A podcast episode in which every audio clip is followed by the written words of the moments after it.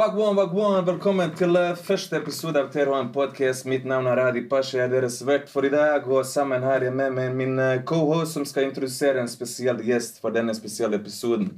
Her er ballest. I dag så har vi en meget spesiell gjest. Det er en god venn av oss, men samtidig det er en basketlegende i Trondheim.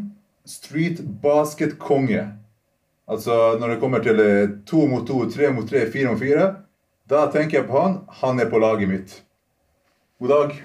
Går bra? God dag. Mikael Korvod, hva skjer, mannen? Velkommen til TRHM Podcast. I år er det en spesiell film som fyller 30 år. Kanskje en av de beste basketfilmene ever. White Man Can't Jump. Jeg skjønte. Hell yeah. Ja, ja, den der, ja. Så når det er nevnt, Jeg føler personlig det er kanskje en av de beste filmene, men kanskje min favorittbasketfilm uh, of all time er Above the Rim med Tupac. Og, og Marlon Waynes, og ikke minst Leon, man, som, hvor mye han skåret? 100 eller noe sånt? På to minutter! På to minutter! Sånn. Men hva er favorittbasketfilmen din? Nei, jeg er enig. White Man Can Jump. Og den, Jump, ja, det var det eneste, den eneste som jeg har i kolleksjonen min igjen nå. Hva tenker du om at eh, de snakker om å lage en remake nå i år? Remake? Nei, jeg går alltid for the classics. Du ser nå hva som skjedde med Space Jam. Oh, det er akkurat det. Jeg har ikke sett den engang. Jeg har dessverre ikke sett den, men jeg har bare hørt masse Det er akkurat det jeg skulle si. LeBron fikk faktisk en premie, en eh, premie for en, en uke siden. og sånt. For hva? For den verste skuespilleren. Klapp for den. Ja, da, da ble jeg glad. Da ble jeg. Men, men, men da lurer jeg på egentlig en ting. Hvor kom den kjærligheten for Michael Jordan? For du, altså, du er på Instagram Jumpmansky. Ja. Hvor kommer kjærligheten for Og Michael, Michael Jordan? Jordan Corbett. Nei, helt Jordan. Jeg har vært det siden um, jeg ble eh, 11-12 år gammel. Og tanta mi flytta til Chicago. Og det ble jo heaven for meg. Sendte meg masse kjærlighet, Jordan-kjærligheter når den tid starta. Avisutklipp. Men da var det litt sånn eh, Visste noe kjærlighet for eh, nei, Chicago. Og så ble det jo Jordan plutselig i 92-93, da han vant over Lakers òg. Da ble jeg bare Jordan hele veien. Vært det siden da. Du er jo opprinnelig fra Polen. Ja. Når flyttet du til Norge? Da jeg var fem i 85. jeg. Og du har eh, søsken også, ikke sant? Tvillingbror og en storebror. Kom hit samtidig, alle tre. og Det var på sørsida dere flytta? Sørsida. Det var også chilenerne på i den bølgen. Ja, for det var en bølge med chilenere Ja. også som kom på den tida. Ja, nettopp, det var nettopp. dårlig mottatt, husker jeg, på Kolstad, for det var mye nordmenn. da. Det var mye dårlige blikk og Husker mandariner slengt i på vinduet. Såpass, Litt sånn nazitendenser der. altså. Men det gjorde oss bare sterkere. Begynte å Selvfølgelig. holde sammen mer. Ja, Så kom kurderene, tyrkerkurderene. Så ble det bare enda flere. Så det var artig tid. Den, ja, den der utviklinga var artig å få med seg. Det som er, når vi var alene sammen med min mor, da, så hadde vi friheten til å bare være ute veldig mye på den tida.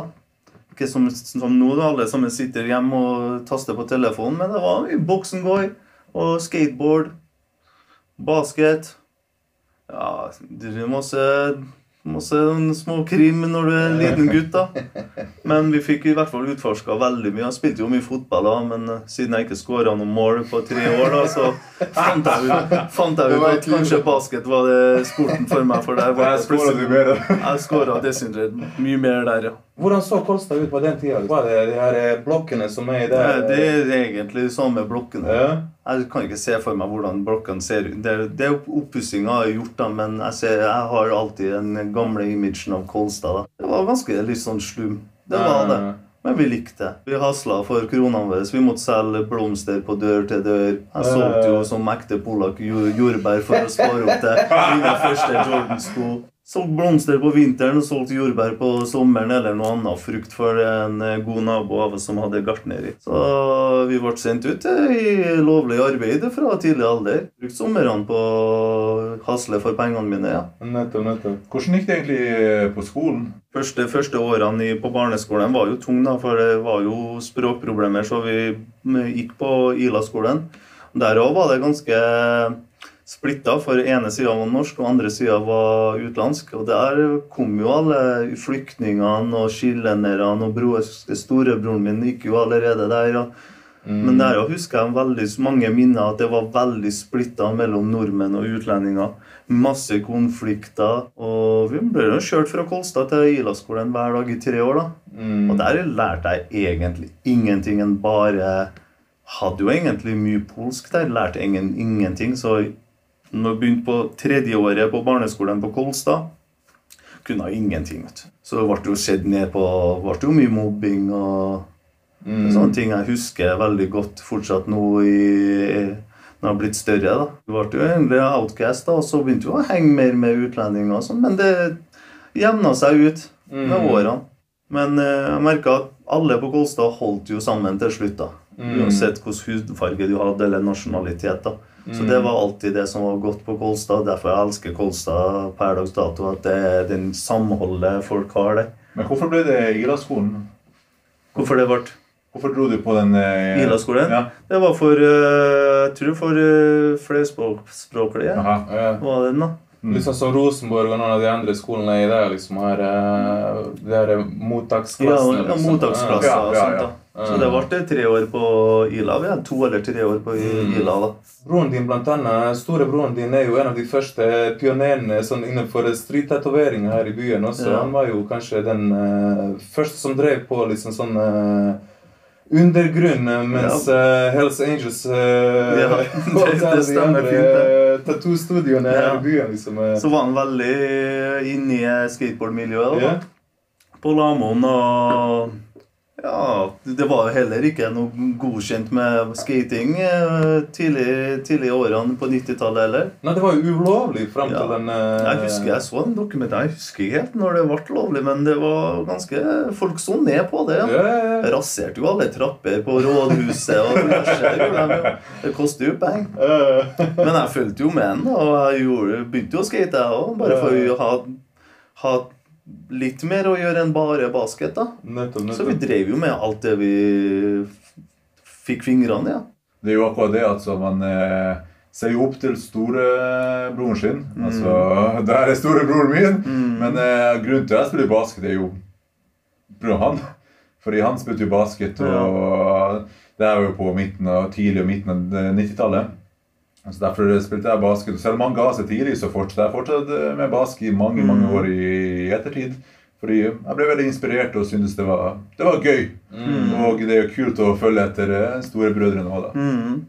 Hvordan var det for deg å ha et tvillingbror? Ja, det var helt fantastisk, det. Det var det? Ja, vi starta med som Chris Cross, samme, kle- samme klær, samme interesser, men så kom vi i den der puberteten der og han valgte Ene sk skating. Og jeg testa litt skating, men jeg fant min basket. Men jeg dro alltid han med meg med å spille én mot én. ikke sant? Yeah, yeah, yeah. Du skal gjøre meg bedre, skal gjøre meg bedre. Smekka han i bakhodet. Du blir med, bli med. Sånn typisk sånn uh, søskenkjærlighet. ikke sant? Men uh, det er stort å ha tvillingbror. Det er også sånne ting du legger legger veldig stor pris på jo eldre du I blir. ettertid, I liksom. ettertid faktisk tenker jeg at faen, du har faktisk en store Nei, en storebror. Du har faktisk en tvillingbror. Må ikke glemme søsken. Uh, jeg tror det har med livets gang. Jo eldre du blir, jo mer, setter, jo mer pris setter du på faktisk det lille du har av eh, familie igjen. Da. Folk uh, forsvinner jo.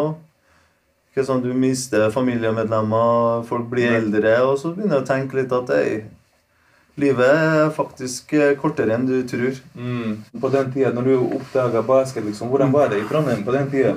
Uh, i, når jeg starta med basket, det var jo 90 da jeg var 10 år gammel. Jeg både vil si at jeg var så å si den eneste i, på Kolstad, i hvert fall på sørsida, som spilte basket. da. Ja. Sammen med Frankie Boy, da. Hvis han eh, hører etter, big up til Frankie. Det var faktisk bare oss to. Og da hang jeg jo bare på Husebyhallen fra fire til åtte hver dag. Og jeg husker han eh, vakta sa bare 'begynn å ta med sovepose, for du er her hele tida'. Jeg bala jo hver eneste dag. Hele, hele, det var liksom Huseby, det var mekkaen for basket eh, fra fire til åtte. Lag etter lag bare stilte seg opp.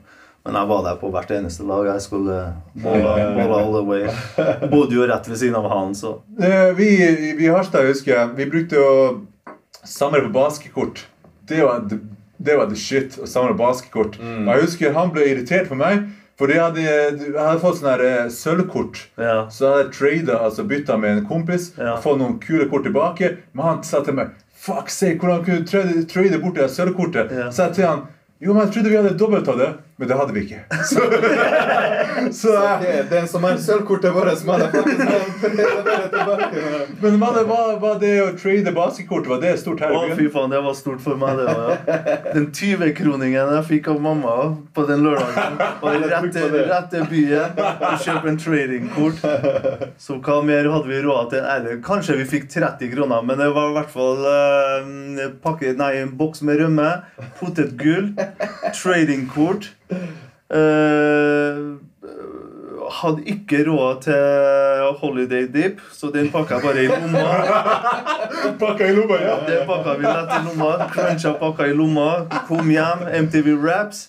Og så NBA Action. Oh, NBA action! Ja. NBA Action gikk jo faen meg på TV Norge. Jeg husker på lørdag. Det var sånn halvtime Ja, søndag var det kanskje. Jeg husker det var i helga i hvert fall. Sånn det var en halvtime med pure fucking magic Ja. på TV Norge, liksom. Men de Sånn brukte jo å vise NBA action, og så brukte de å vise kamper òg, ikke sant? Ja, ja, det var sånne ja, highlights fra kampen. For det husker jeg jo. Jeg var, jeg var jo kid da, men jeg husker jo det, var- de brukte å vise kamper, og det er sånn både basketinteressen som Mm. er med på å hjelpe at det ble så stort. For Du viste kamper og NBA action, alle de dunkene, top ten Ja. og de tingene der. Hele den kulturen med hiphop, basketball og som du sier, liksom skating og alt det her gled jo på en måte litt sånn sammen. Ja, sånn Men jeg ut, utforska videre, videre på ungdomsskolen. Så ble det jo så klart graffiti. Uh, eh, breaking breaka i fem år. Samtidig som basketen ble lagt litt på hylla, men fortsetta med det. Men det som Det var bare å få holdt på med å utforske masse forskjellige ting. Jeg hører jo at uh, du har jo vært med og hatt en gruppe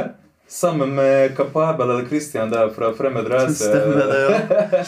20.-klassen, ja. Ja. Spytta, spytta noen Så du er jo med pioner, med andre ord. Jeg er litt pioner. Jeg har, aldri, jeg har ikke tenkt på det såpass, men ja. Fortell om det, da. Men hvordan ble det til? Nei, jeg skrev noen rhymes og drev den.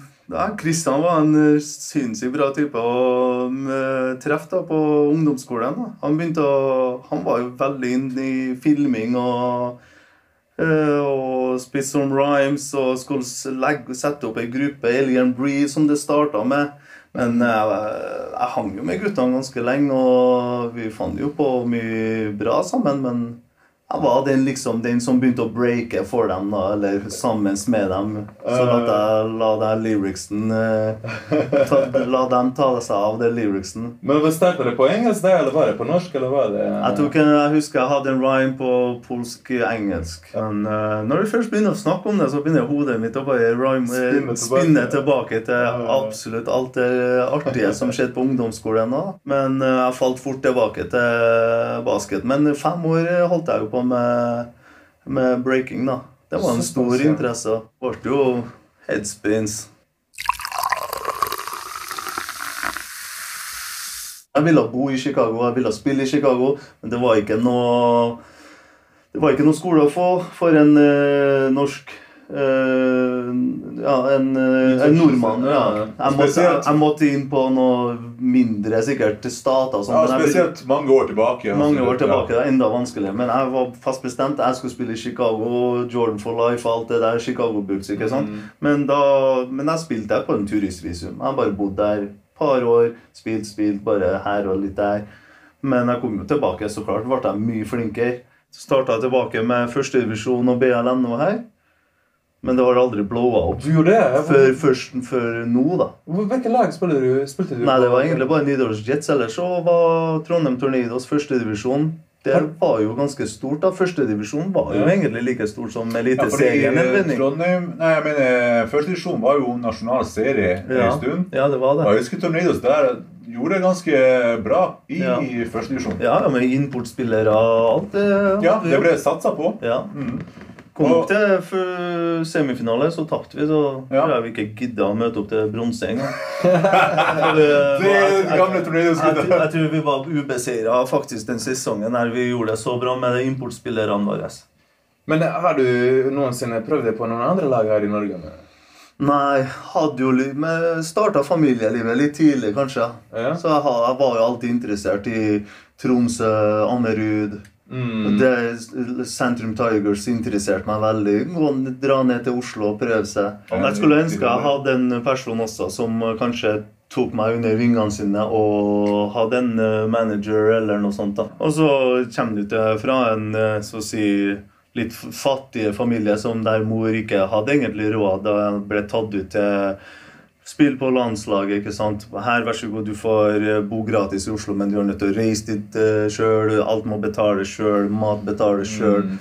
Uh, eneste fra Trondheim uh, i tidlig alder kommer ned til Oslo liksom, og ser det For meg så så ut som Oslo-gangstere. Liksom. Jeg bare følte meg ikke hjemme i det hele tatt. Og da, når du kommer hjem etter en sånn en ting, og du pusher sjøl, pusher sjøl, men du gir litt og litt så gir du opp. Du tenker hva, hva gjør du for noe? Du trener så mye, men det, det kommer liksom ingen premie for det. vet du. Jeg skjønner godt, spesielt når du på en måte ikke har et lag som du skal kjempe for. Altså, Jeg vokste opp i det Harstad, og vi hadde jo faktisk Harstad Vikings som spilte i Eliteserien. Og jeg husker jo, jeg spilte jo et år med, på Harstad Vikings, og det var faktisk det året vi vant Eliteserien. Jeg husker eh, når det kommer til eh, eh, den sesongen der, så ble det på en måte, det ble satsa på det laget der. Kampene ble vist på TV. Fredagene når vi hadde kamp, vi brukte å ha sånn kamp rundt halv seks. Det er på en måte sånn pre- Pre ja. Så det er sånn at Du kommer på, på kampen, og så drar du på forspill, og så ferdig på byen. Og så treffer Ja. du spillerne altså, de, og treffer oss på byen et senere. Ja. Men, eh, men på en måte fredagene var på en måte annenhver fredag når vi spilte hjemmekamp, Ja. det var reservert til Harstad Vikings. Mm. Og i mediene, så, altså i avisen eller nettet eller hva det måtte være Vi hadde til og med et basketprogram på TV-en som ble kalt sånn eh, Basketmagasinet. mm. Hvor de viste hvordan det gikk med Harstad Vikings den, eh, den uka der. da. Mm. Og jeg husker jævla godt at så, vi, vi, vi, vi, vi spiller kamp, og så ble det på en måte skrevet om oss. Og når vi spilte i finaleserien Det er en liten hall à la Hus, Husebyhallen.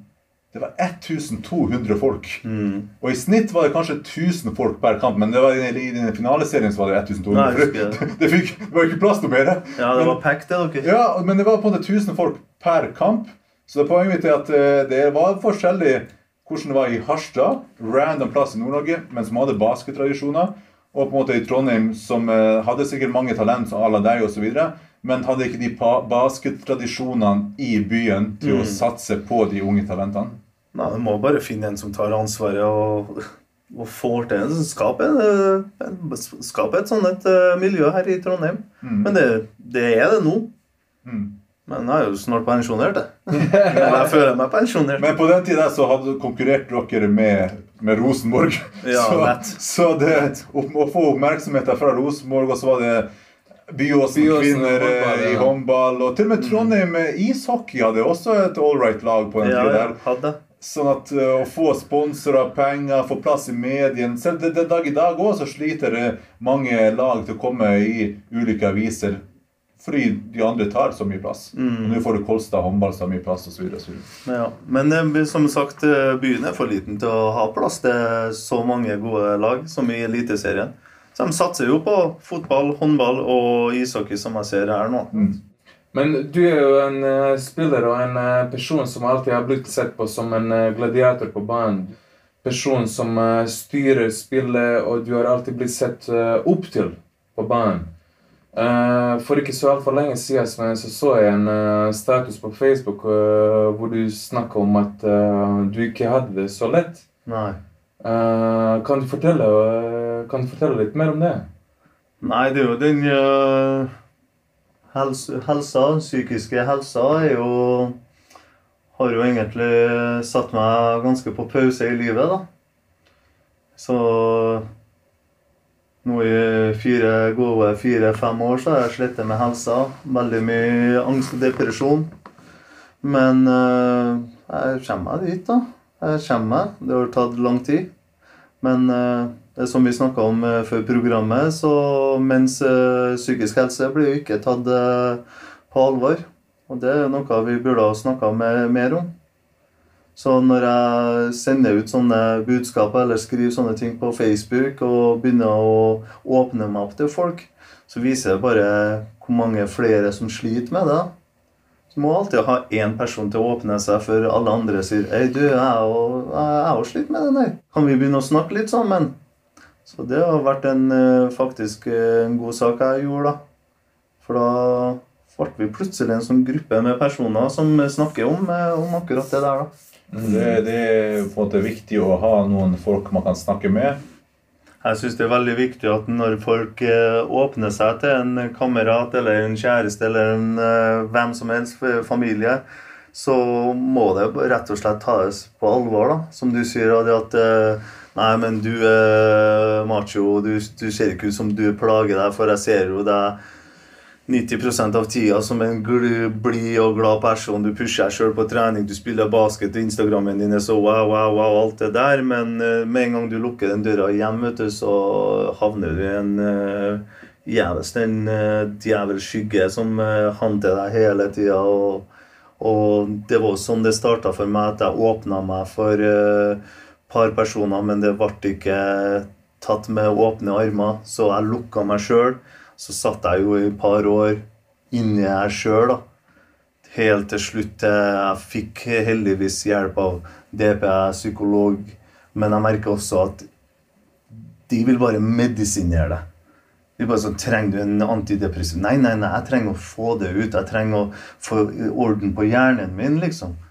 Så da har jeg gått ifra det til å faktisk snakke med folk som har åpna seg til meg, og ha heller eh, partnere som har vært i lignende situasjoner som jeg har vært i, som har barn. Ikke bare dem som sitter Det er greit med dem som sitter som psykolog, men de går for det meste etter fasiten. Ikke sant? Mm. De kjenner jeg egentlig ikke innerst inn hvem, hvem du er, da. Og Man er kanskje ikke interessert i å bli kjent heller, liksom. Eh, Det også har jeg merka, så jeg har eh, tatt bort den psykologen, prøvd meg på en ny en. Men jeg merker siden så sist så sitter du med deg sjøl, og du er nødt til å Men så lenge folk er der og hjelper deg Jeg har så bra med godt nettverk som ringer meg nå, går det bra. Det er bare det spørsmålet går det bra med deg.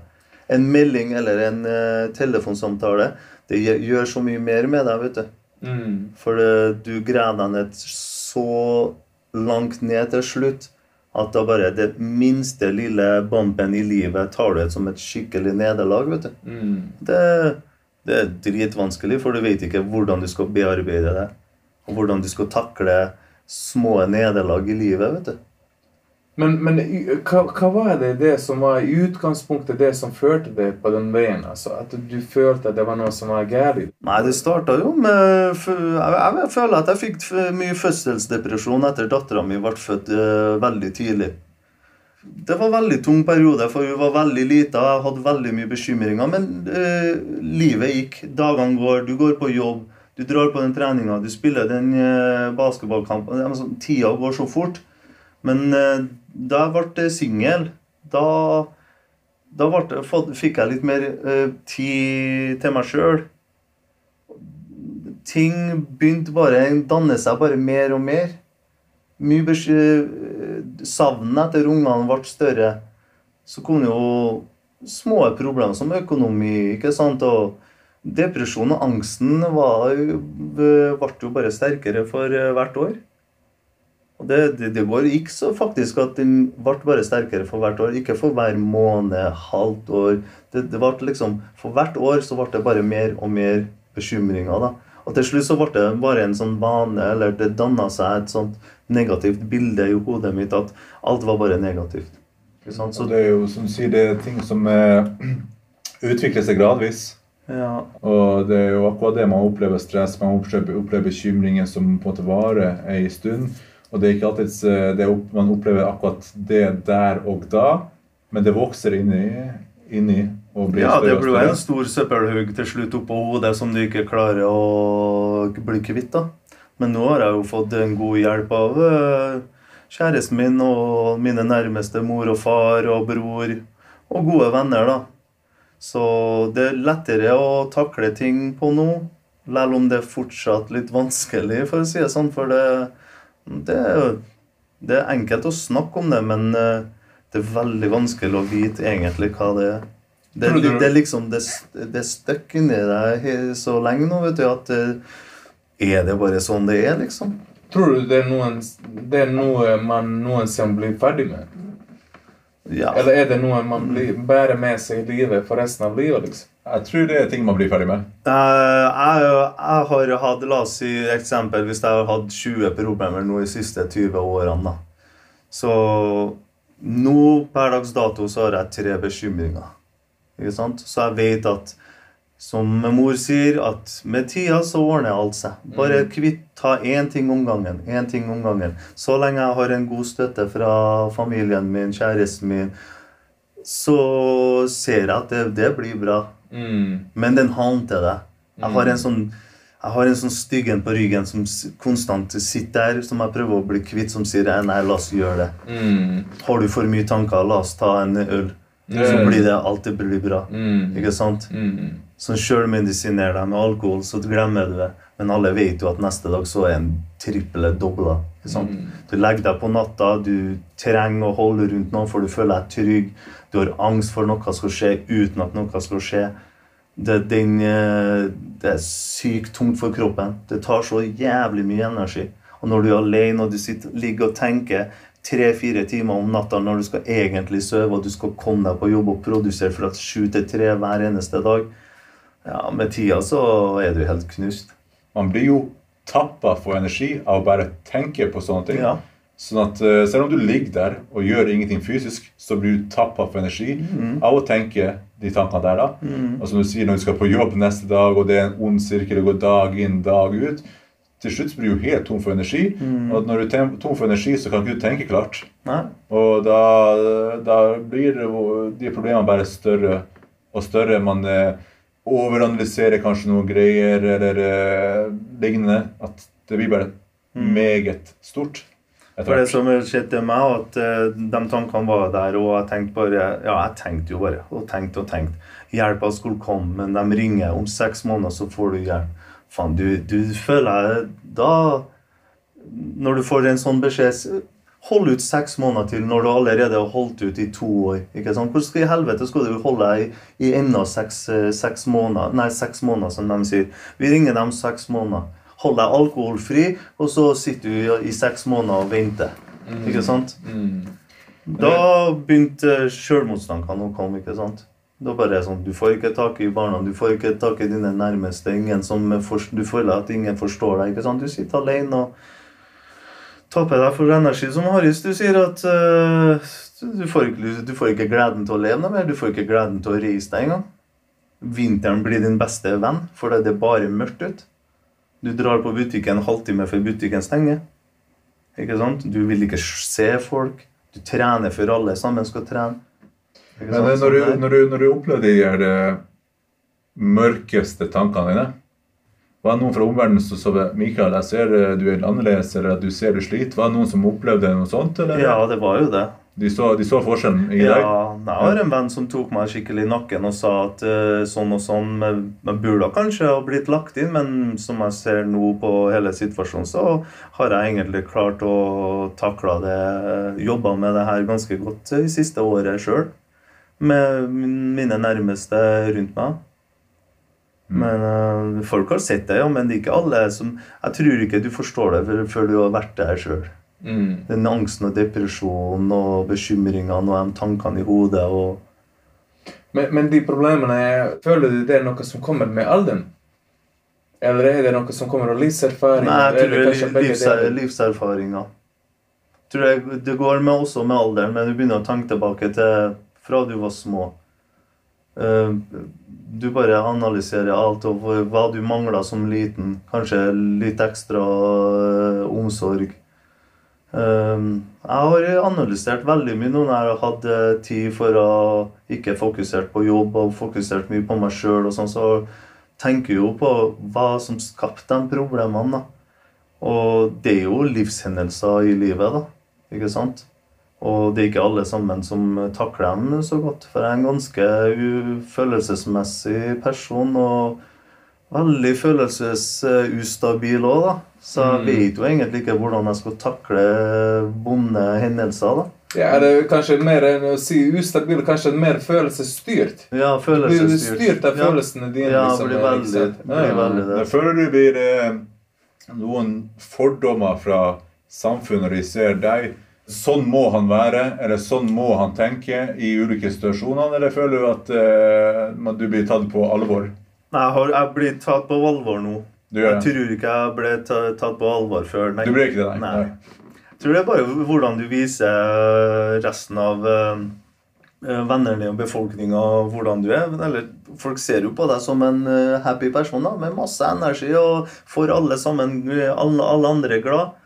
Men eh, jeg tror jeg har brukt altfor mye energi for å få eh, gjøre alle andre glad og være en klovn for alle andre istedenfor å eh, gå litt tilbake i meg sjøl og tenke på meg sjøl. Mm. Mm. Brukt veldig mye energi på unødvendige ting enn meg sjøl. Mm. Det at med at du kan tørre å være åpen om det liksom, og fortelle om de utfordringene du har hatt, liksom, Mm. det, det, det, det, det, det, det er stort. Det er Takk. stort. Og jeg håper også at det kan være med å inspirere andre folk til å, til å snakke åpent om de utfordringene de har i hverdagen sin. Mm. Men jeg kan ikke forandre meg hvordan jeg er. Jeg er bare en sånn eh, person som jeg er, eh, som folk kjenner meg, og det er jo greit. Men det er derfor jeg liker å kanskje escape litt, og være den egoen, og føle meg konge på banen, at jeg eier folk, at jeg eier psyken deres. At jeg, at alle problemene mine forsvinner når jeg spretter den ballen der, når jeg ser den kurva der. Hva du tenker du om dagens NBA, egentlig? Dagen, Jeg begynner å bli lei. Ja? Jeg begynner å bli lei. Mm. Det er nesten sånn at jeg drar hjem i dag og satt på en god gammeldags 93-94. Ja, det er mer verdt. Jordan mot uh, Jazz-finalen. Ja. Litt sånn, jeg, jeg har tatt en liten pause fra dagens NBA, i hvert fall når March Madness starta, så så jeg den store forskjellen mellom der. Så jeg venter til playoffen bare nå. Ja. Men eh, når det kommer til dagens NBA, det er sånn her jeg har litt vondt i ankelen. Ja. Jeg tar sitt eh, de neste tre kampene. Jeg ikke spille, jeg kan ikke spille for noe eh, på en ung ankel. Ja. Og så ser, Ja. og ser jeg på sånne memes En kar, og det er ikke kødd engang eh, Jeg husker, jeg tror er Boston Celtics og sånt Karen hadde brukket nakken Han har så jævla krage på halsen Og han står der så jeg spiller, spiller kamp seg Men, ikke men hvem er favorittspilleren din i dag? I dag? Ja, så sånn eh, moderne spillere. Altså etter Michael Jordan. Nei, nå så Det er LeBron, on selvfølgelig. Nei, nei, siste, siste person. Men uh, Ja Morant er veldig det er, Han er sånn- flink det er liksom det som satte uh, øynene mine på dagens NBA. mm. Ellers så klart, jeg, jeg liker egentlig Jeg bare liker å se sporten. Men jeg står fortsatt på Jordan, Sean Camp, Dick Oh, Montalvo, oh, Vince Carter. Det er sånn fantasy-ligaen min. Det er Iverson på pointen. uh, Gary Payton. Men jeg synes jeg bare for å avslutte med Jeg synes at eh, hvis det er noen youngsters hører på nå, og de har sånne som du sier Uh, jeg liker han, liker han. Prøv å se ham i helheten. Prøv å se ham i en hel kamp. Hva han gjør med ball, hva han gjør uten kamp. Tilbake til hiphop. Uh, Kjøp den der eh, Wu-Tang-CD-en. Hør fra track 1 til siste tracken, som vi gjorde. Ikke sant? Ikke sitt der som på Spotify og bare ha den på repeaten, den ene sangen. For det er sånn som vi hører på musikk nå. Det er ikke sånn på samme måten vi hørte på før. Når vi kjøpte en uh, DJ Mark Shogun Assassins, det var som en film gjennom hele uh, spillelista, liksom. Fra track 1 til siste tracken. Det var en opplevelse, ikke sant? Mm. Det, det er sånne ting eh, folk Jeg prøver i hvert fall å lære sønnen min. da Kom og se en basketballkamp med meg. Se hva som skjer rundt hele spillet. Ikke bare den ene dunken. Mm. Den ene dunken. Mm. Har du, eh, nå når vi på en måte nærmer oss slutten, har du noen eh, shoutouts eller eh, noen ting du har lyst til å si? Eller? Nei, det var veldig koselig å være her. Jeg vil i hvert fall gi en god kjære til dere to. Tusen takk for en god episode. Thank you, brother. Thank you, thank you. Kanskje om eh, et år når du har eh, mange mange hundre tusen følgere, så kommer jeg tilbake en tur. Det var litt sånn stressfullt, men en stor shout-out til kjæresten min, Maiken. Mamma, pappa, Tvillingbror, alle mine gode venner. Det er haug med dem, men dere vet hvem dere er. Tusen takk for støtten. Glad i alle dere. Dypt imponert at du torde å, å, å snakke om det. Mm, takk. Det var eh, mye lettere når du snakker med to gode venner òg. Mm. Thanks.